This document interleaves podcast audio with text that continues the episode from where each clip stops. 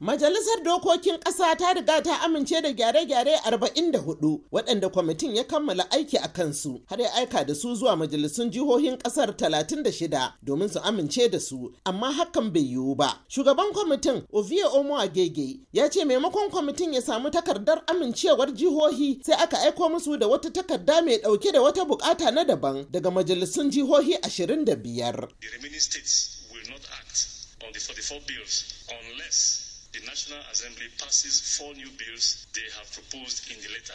A nan Omo Agege ne yake cewa majalisun jihohin sun ce kafin su amince da waɗannan ƙudurori 44 da kwamitin ya miƙa musu sai an ba jihohin izinin zartar da ƙudurin dokar 'yan sandan jiha sannan a ba majalisun jihohi daman cin gashin kansu da ma wasu buƙatu guda biyu. Omo Agege ya ce a ganinsa gwamnonin jihohin na katsalandan musamman wajen adawa da ƙudurorin bayar da 'yancin cin gashin kai ga ƙananan hukumomi kuma wannan shine abin da ba sa so su gani domin suna amfana da asusun haɗin gwiwa da ake yi tsakanin gwamnatocin jihohi da ƙananan hukumomin. Shi ma mataimakin mai tsawatarwa a majalisar dattawa kuma ɗaya cikin 'ya'yan kwamitin Aliyu Sabbi Abdullahi ya ce ya kamata 'yan Najeriya su yi tuhuma mai tsanani ga majalisun jihohin domin ƙin amincewa da ƙudurorin tamkar rashin mutunta tsarin mulkin ƙasar ne. ai aikin demokradiyya ne kuma ita kundin ƙasa ta ce a yi kuma dama ce za a ba mutane idan aka ba da wannan daman to sai mutane su yi amfani da wannan daman. Saboda haka 'yan najeriya su ma suna da haƙƙin su je su yi ca a kan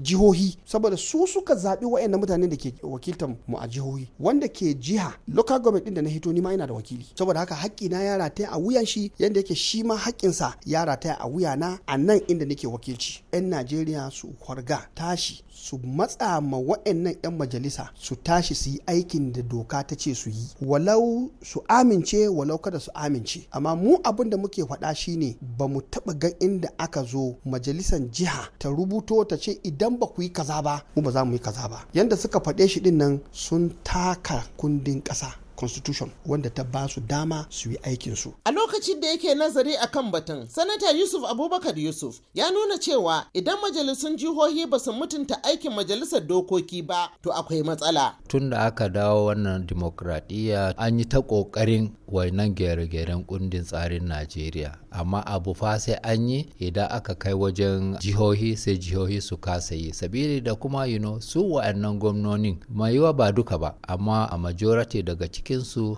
sun kasa fahimtar lallai a amfanin keran nan da muka yi a canja a gyara. Amma ni a fahimta na fa in fa gwamnonin nan sun kasa fahimtar a gyara wannan kundin tsarin najeriya. Ni a fahimta na suna so ne you know, a lokaci da zai zamanto sojoji ne kawai za su iya gyaran kundin tsarin najeriya. Wannan ko ba abin da muke so ba ne. Kwamitin ya aika da ƙudurori 44 zuwa majalisun jihohi 36 a ranar 29 ga watan maris na 2022 don amincewarsu kamar yadda sashe na tara ƙaramin sashe na biyu na kundin tsarin mulkin ƙasa ya tanada. Amma jihohi goma sha ɗaya ciki har da jihar Legas, Abia, Akwa Ibom, Anambra, Delta da jihar Edo. Sauran sun hada da Katsina, Kaduna, Ogun da jihar Oshun ne suka amince da ƙudurorin.